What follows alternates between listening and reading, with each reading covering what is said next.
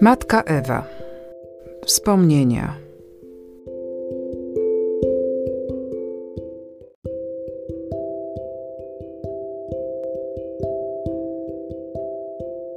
Potoki na suchą ziemię.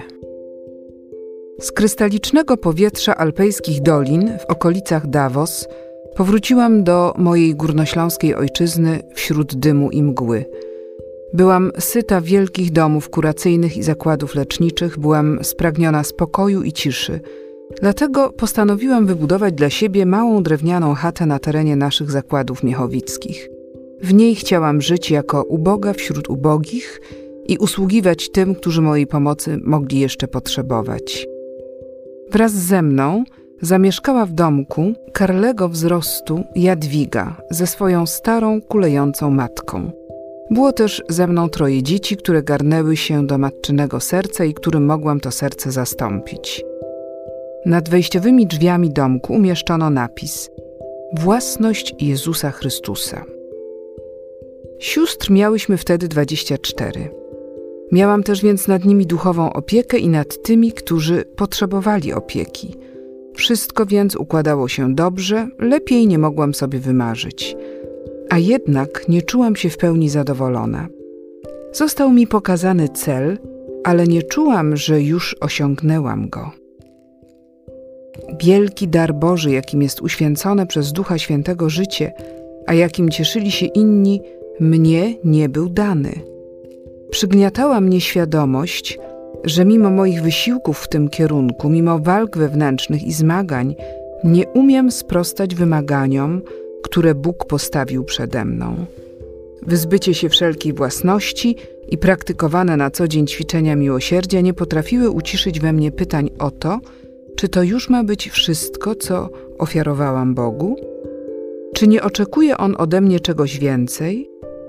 Samo oskarżeniom nie było końca. I wtedy doszła mnie wiadomość o wielkim ruchu przebudzeniowym, jaki ogarnął południową Anglię, a konkretnie Walię przebudzenie, masowe przebudzenie. O czymś takim dotąd nie słyszałam. Dochodziły wieści o objawieniu się łaski Bożej wielkim masom ludzkim, o potężnym działaniu Ducha Świętego, które jak płomień ogarniało cały lud owej krainy. To wszystko było niesłychane. Dowiadywaliśmy się, że ogarnięci tym duchem prości ludzie stawali się żarliwymi świadkami żywego Boga, złotoustymi kaznodziejami, którzy nawracali do wiary setki ludzi zjeżdżających się na owe zgromadzenia ze wszystkich zakątków Anglii. Czyż to wszystko nie przypominało do złudzenia pierwszych czasów apostolskich, pierwszych zborów chrześcijańskich? Czy coś podobnego mogło mieć miejsce jeszcze dziś, w naszych czasach, tak zupełnie innych od czasów opisywanych na kartach Nowego Testamentu? Niespokojnie przysłuchiwałam się tym wieściom, i coraz niespokojniej też zadawałam sobie pytania o mój własny wewnętrzny stan. Tam nawracają się tysiące ludzi, tam wylewa się łaska Boża całymi strumieniami, a moje życie, mimo wszystkich starań i usiłowań, jest jedną wielką suchą pustynią bez kropli rosy padającej z nieba. Czułam ogromny niedosyt, jakiś omdlewający bezwład, poczucie bez siły i ciężar bezradności – Wtedy odczułam bardzo intensywne pragnienie pojechania do Walii. Uczucie to miało siłę rozkazu, kategorycznego żądania czynu. Jedź tam, mówiło coś we mnie, jedź i dla ciebie przygotowana jest łaska. W milczeniu nosiłam w sobie te myśli, nikomu je nie zdradzając. Sytuacja zewnętrzna nie wskazywała na to, by miał być to właściwy moment do wyjazdu. Miałyśmy w Miechowicach beznadziejnie chorą siostrę w ostatnim stadium gruźlicy. Wyjazd w takich okolicznościach nie godził się z moim poczuciem odpowiedzialności i obowiązku. A jednak ciągle na nowo wracała do mnie myśl o wyjeździe. W tym czasie odwiedzał nas pewien wierzący człowiek pochodzący z Anglii, który objeżdżał zbory i demonstrował model Arki Przymierza. Sam ją skonstruował. Oczywiście była to miniatura. Do nas został również skierowany przez wspólnych znajomych z Berlina. Ten człowiek gdy dowiedział się o chorobie naszej siostry Małgorzaty, prosił, czy mógłby ją odwiedzić. Zgodziłam się na to i weszliśmy do pokoju chorej. Wtedy on ukląkł z dala od łóżka i zaczął głośno modlić się i prosić Boga o cud uzdrowienia dla chorej siostry. Umierająca nie rozumiała słów modlącego, bo były mówione w języku angielskim, a jednak na jej twarzy można było ujrzeć działanie modlitwy. Twarz jej się wypogodziła, oczy nabrały naturalnego blasku, jakby jakieś nowe siły ożywiały jej ciało, a potem najspokojniej poprosiła o coś do jedzenia. Zaskoczenie nasze było kompletne, bo przecież już od wielu dni nie brała nic do ust. Tymczasem nasz gość, po skończeniu modlitwy, cicho opuścił dom. Nowa, radosna nadzieja wstąpiła do naszych serc i wielka radość, że oto Pan nawiedził nas i przynosi naszej chorej siostrze cudowne uzdrowienie. Jej stan zaczął się szybko poprawiać, także nawet zaczęłyśmy rozmyślać o wycieczce do lasu, aby mogła oddychać dobrym, leśnym powietrzem. Gdy przy tym dodałam, no naturalnie, jak już będziesz zdrowa, ona przerwała mnie i powiedziała stanowczo: Przecież ja już jestem zdrowa. Byliśmy wszyscy w podniosłym nastroju i jak najlepszych myśli. Zawsze byłam pewna, że Pan może wszystko, więc może i na naszą prośbę całkowicie uzdrowić naszą siostrę. A ja modliłam się do siebie tylko o życie uświęcone i oddane Bogu, abym nic nie zostawiała w sobie dla siebie, wszystko miało być Jego. Czyniłam wszystko, by takie życie w sobie realizować, dlatego nie oszczędzałam się zupełnie, ożywiona tym jednym celem wszystkim On, ja niczym. A jednak ciągle byłam z siebie niezadowolona, bo odczuwałam w sobie stale jakieś braki, których nie umiałam przezwyciężyć. Wreszcie doszłam do wniosku, że takie życie, o jakim marzę, jest wyłącznie darem Bożym i ja niczym go sobie nie potrafię zdobyć ani wypracować. Długie godziny spędzałam na klęczkach, modląc się i czekając na znak Pana, że widzi moją tęsknotę i w jakiś sposób ją zaspokoi darem swojej uświęcającej łaski. Teraz nadszedł moment, gdy Pan mógł mi taki dar ofiarować. Prosiłam go, że jeśli przyjął modlitwę o dar uświęconego życia, aby jako znak i zadatek tego daru podarował mi przedtem zupełne wyzdrowienie siostry Małgorzaty. Byłam pewna zwycięstwa i w radosnym oczekiwaniu na cud wstałam z klęczek i chciałam wyjść z kaplicy, gdy otworzyły się drzwi i szybko weszła jedna z sióstr, prosząc mnie o pozwolenie pójścia do apteki po lekarstwo na kaszel. Spojrzałam na nią zdziwiona i zapytałam: Dla kogo? Dla siostry Małgorzaty. Dostała strasznego ataku kaszlu, ma wysoką gorączkę, usłyszałam w odpowiedzi. To było jak grom z jasnego nieba. Krótki namysł, a potem powiedziałam cicho: Idź i przynieś lekarstwo. Siostra odeszła, a ja zostałam sama, porażona tą okropną wieścią. Byłam tak pewna, że Pan mnie wysłucha i uzdrowi naszą siostrę. A oto po paru tygodniach widocznej poprawy i naszych najlepszych oczekiwań, ten nagły nawrót choroby. Z jednej strony wielki ból o to młode życie, które teraz miało zostać ostatecznie złamane, z drugiej moja niezaspokojona tęsknota za życiem uświęconym przez łaskę. Stałam jak skamieniała. Nic nie rozumiałam. Czy Bóg zakrył swoją twarz przede mną i daje mi odczuć to przez odrzucenie mojej prośby? Miałam uczucie, że to jest Bóg, którego dotąd nie znałam, a w każdym razie w tej chwili stał się dla mnie zupełnie niezrozumiały. Ciemność, straszna ciemność zapanowała w moim sercu. Gdy się ocknęłam z tego stanu odrętwienia, Powróciłam do rzeczywistości, ale wszystko wykonywałam mechanicznie, jak automat, nie widząc żadnego sensu w tym, co robię. Nie było we mnie ani krzty chęci, ani krzty radości, nic, tylko pustka, żadnego światełka nadziei, tylko drętwe poddanie się losowi i jakiejś nieodwołalnej decyzji. Dni, które teraz nastąpiły, były ponure i ciemne. Stan chorej przeszedł już teraz tylko w wegetację, która mogła jeszcze jakiś czas potrwać, nie rokując żadnej nadziei. W takim stanie ducha pojechałam do siostry Krystyny Roy na Słowację, znanej ewangelistki i autorki wielu uduchowionych pieśni. Przed nią, jako starszą i doświadczoną w Panu, wylałam moje zbolałe serce i opowiedziałam jej o poniesionej klęsce, o moich staraniach i tęsknocie za uświęconym życiem w Bogu i moich wewnętrznych brakach, przeszkadzających mi w jego osiągnięciu. Opowiedziałam jej również o wieściach dochodzących z Anglii na temat ruchu ogarniającego całą Walię i prześladującej mnie ciągle myśli, by tam pojechać. Cierpliwie słuchała wszystkiego, co mówiłam, a potem powiedziała zdecydowanie i energicznie: Jedź, nie zwlekaj z tą sprawą, to jest wezwanie Boże. Ani cienia wątpliwości, ani cienia wahania, tylko wielki autorytet duchowy leżący na każdym słowie.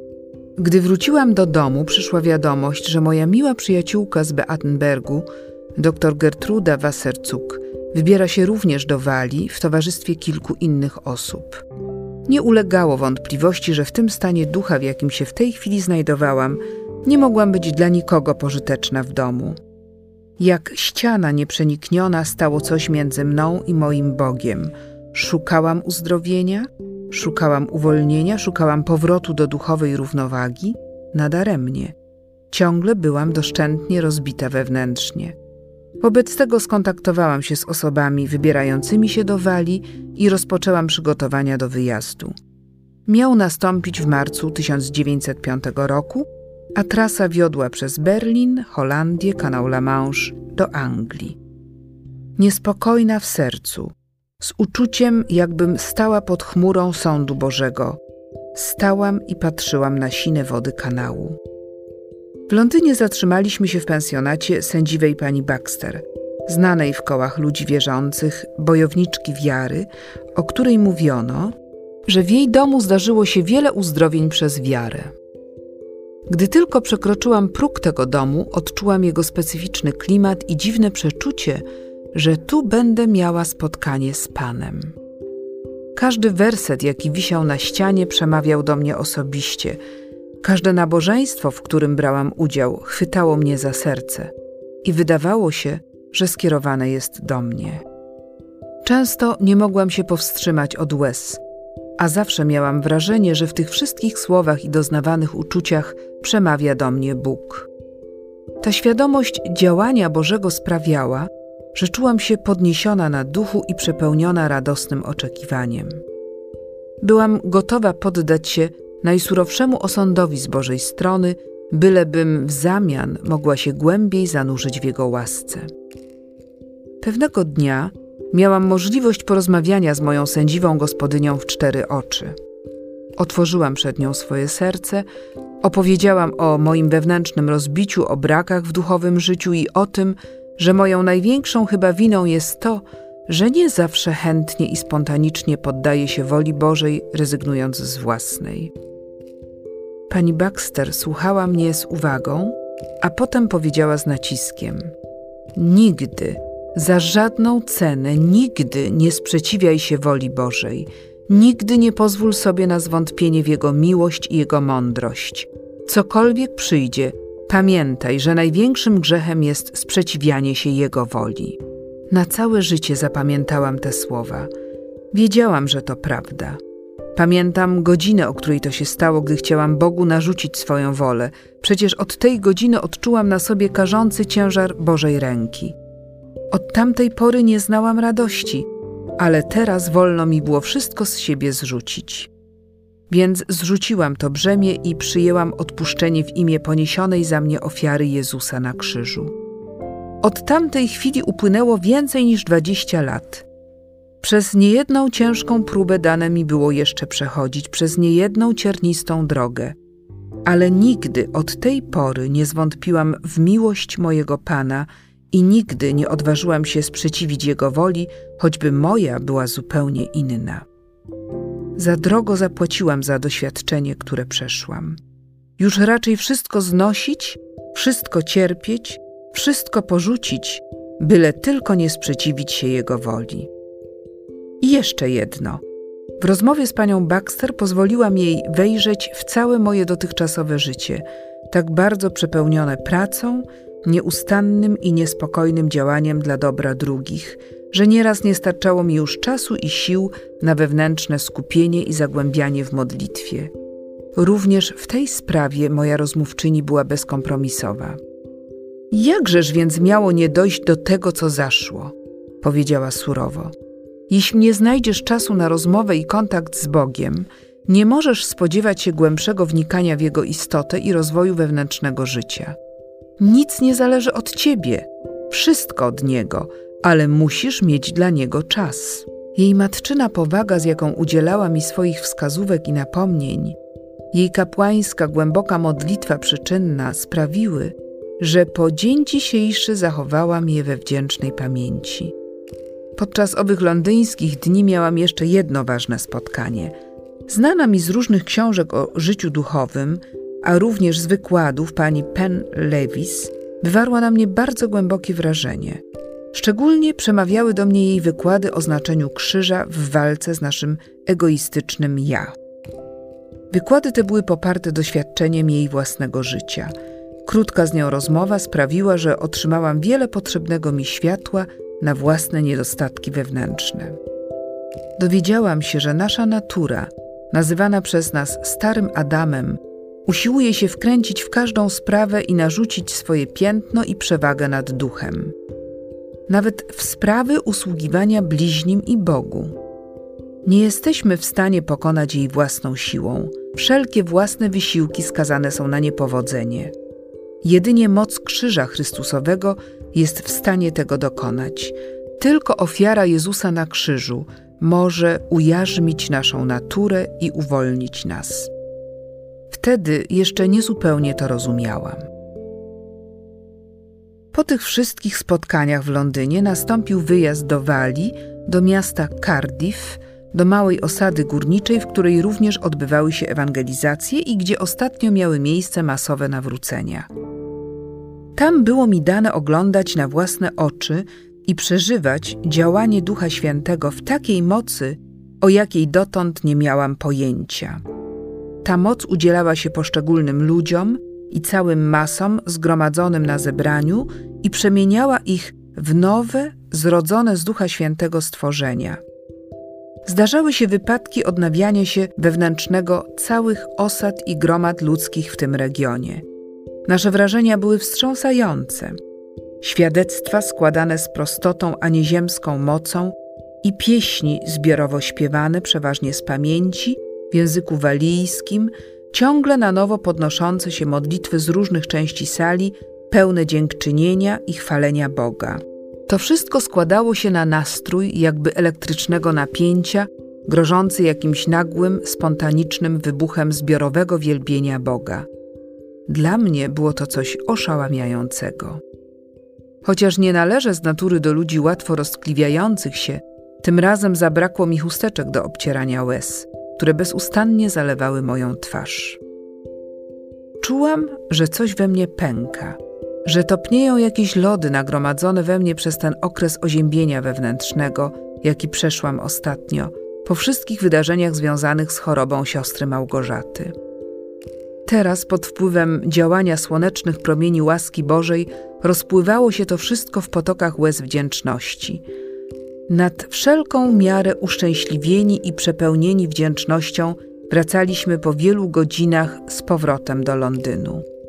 W pociągu, nadal przejęta jeszcze wrażeniami dnia, zauważyłam w moim przedziale trzy młode dziewczyny.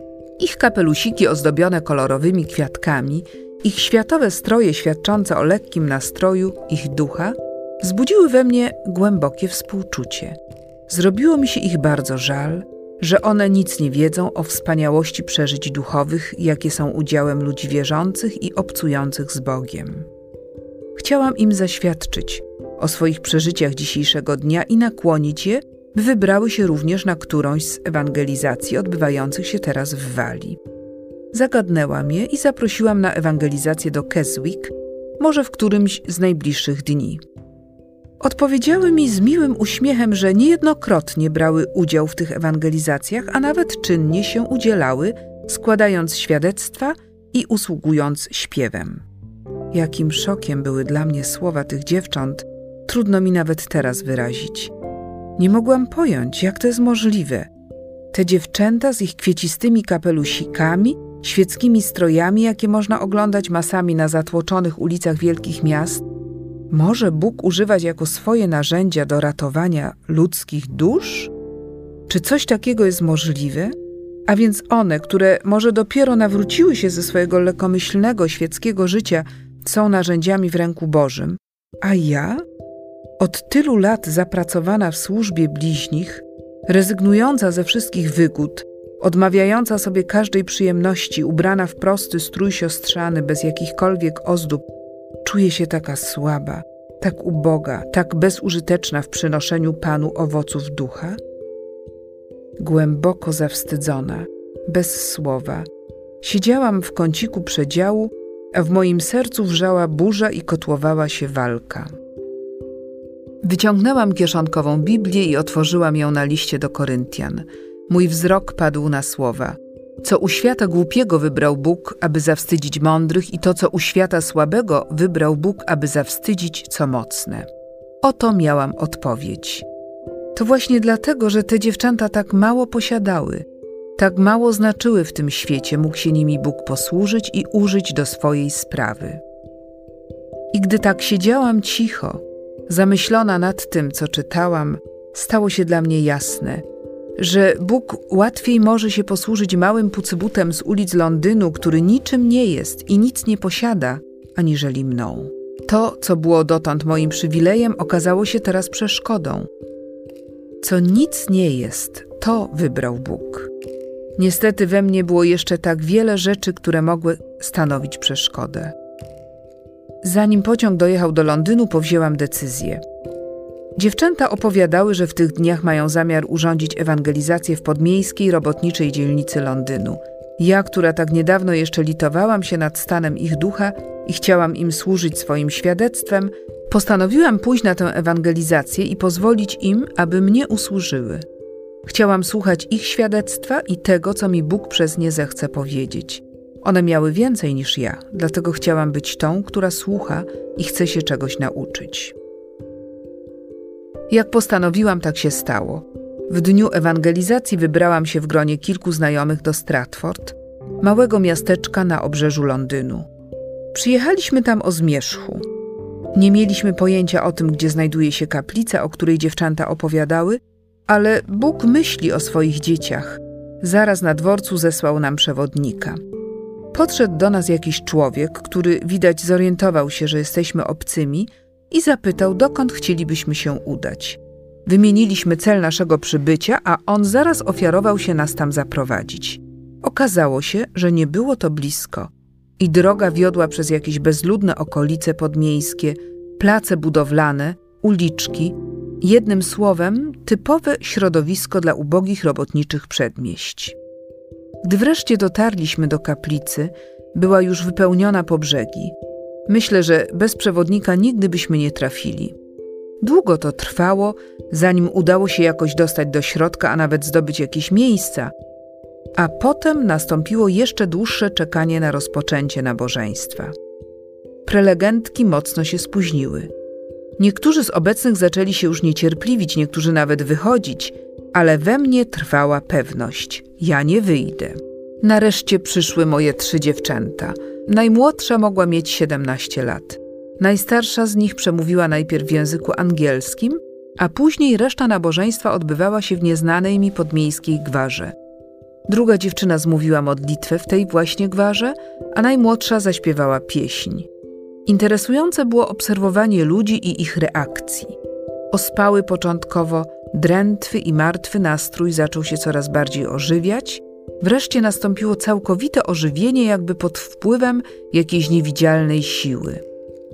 Ludzie podnosili twarze i wsłuchiwali się z napięciem w słowa świadectwa, które padały z ust jednej z dziewcząt. Nie rozumieliśmy prawie nic z tego, co było mówione, modlone i śpiewane, a jednak i nam zaczął udzielać się duch napięcia i zaczęło ogarniać nas coraz większe wzruszenie, a nawet pewność, że dzieją się tu rzeczy Boże. Ja czułam się dotąd jakby wyłączona z tego nastroju, pozostawałam chłodna i niewrażliwa na atmosferę, która zaczęła ogarniać wszystkich obecnych. Ale teraz zaczęłam odczuwać i ja działanie jakiejś nieznanej mi dotąd mocy, ogarniało mnie coraz większe wzruszenie i onieśmielenie. Zwróciłam uwagę na człowieka, który siedział przede mną. Początkowo robił wrażenie, jakby tu przyszedł wyłącznie z ciekawości, bez wewnętrznej potrzeby. Ale słuchał bardzo uważnie, co mówiono. Ja niestety nic nie rozumiałam, moi znajomi również nie. W pewnej chwili człowiek siedzący przede mną jakoś tak się skulił na krześle, jakby go coś z góry przygniotło, a potem nagle wstał, zaczął coś mówić z przejęciem, a jak skończył, usiadł, położył głowę na splecionych dłoniach, a jego ciałem zaczął wstrząsać gwałtowny szloch. Jest coś dziwnego i tajemniczego w tym, gdy na ewangelizacjach Bóg zaczyna mówić do poszczególnych ludzkich serc. Wzruszenie, łzy, skrucha i wyznanie grzechów, przyznawanie się do zmarnowanego życia, do wyrządzonych krzywd, do bolesnych strat i rozczarowań. Podobny widok mieliśmy teraz przed sobą, tak jak z tym człowiekiem działo się z wieloma innymi ludźmi. Dotychczasowa obojętność zaczęła zamieniać się w zainteresowanie, oziębłość zmieniła się w ciepło spojrzeń i łagodnienie twarzy, wyniosłość traciła pewność siebie, a wszystko ogarniało poruszenie połączone z okazywaniem wzajemnej sympatii. Działo się tak, jak dzieje się z rzeką, gdy zaczną pękać lody i wszystko zostaje ogarnięte ruchem.